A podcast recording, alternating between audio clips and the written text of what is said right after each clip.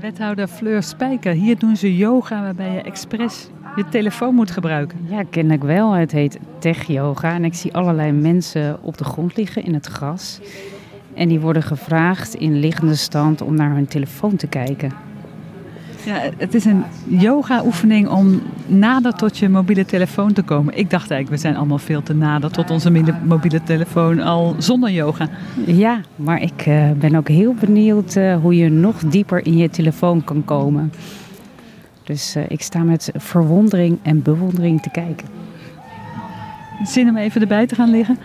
Nou, het daagt wel uit, moet ik zeggen. Maar ik heb hier iemand bij me die ik denk minder snel uh, zover krijg. Maar het is misschien wel een mooie inspiratie. Precies. Het zet mij natuurlijk ook aan het denken. Want eh, als wethouder is een presentatie op uh, social media natuurlijk uh, nodig.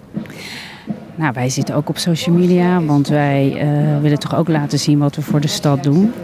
Dat betekent ook dat je daar inderdaad verhalen op zet en berichten op zet. En uh, ja, dat hoort bij deze tijd, hè?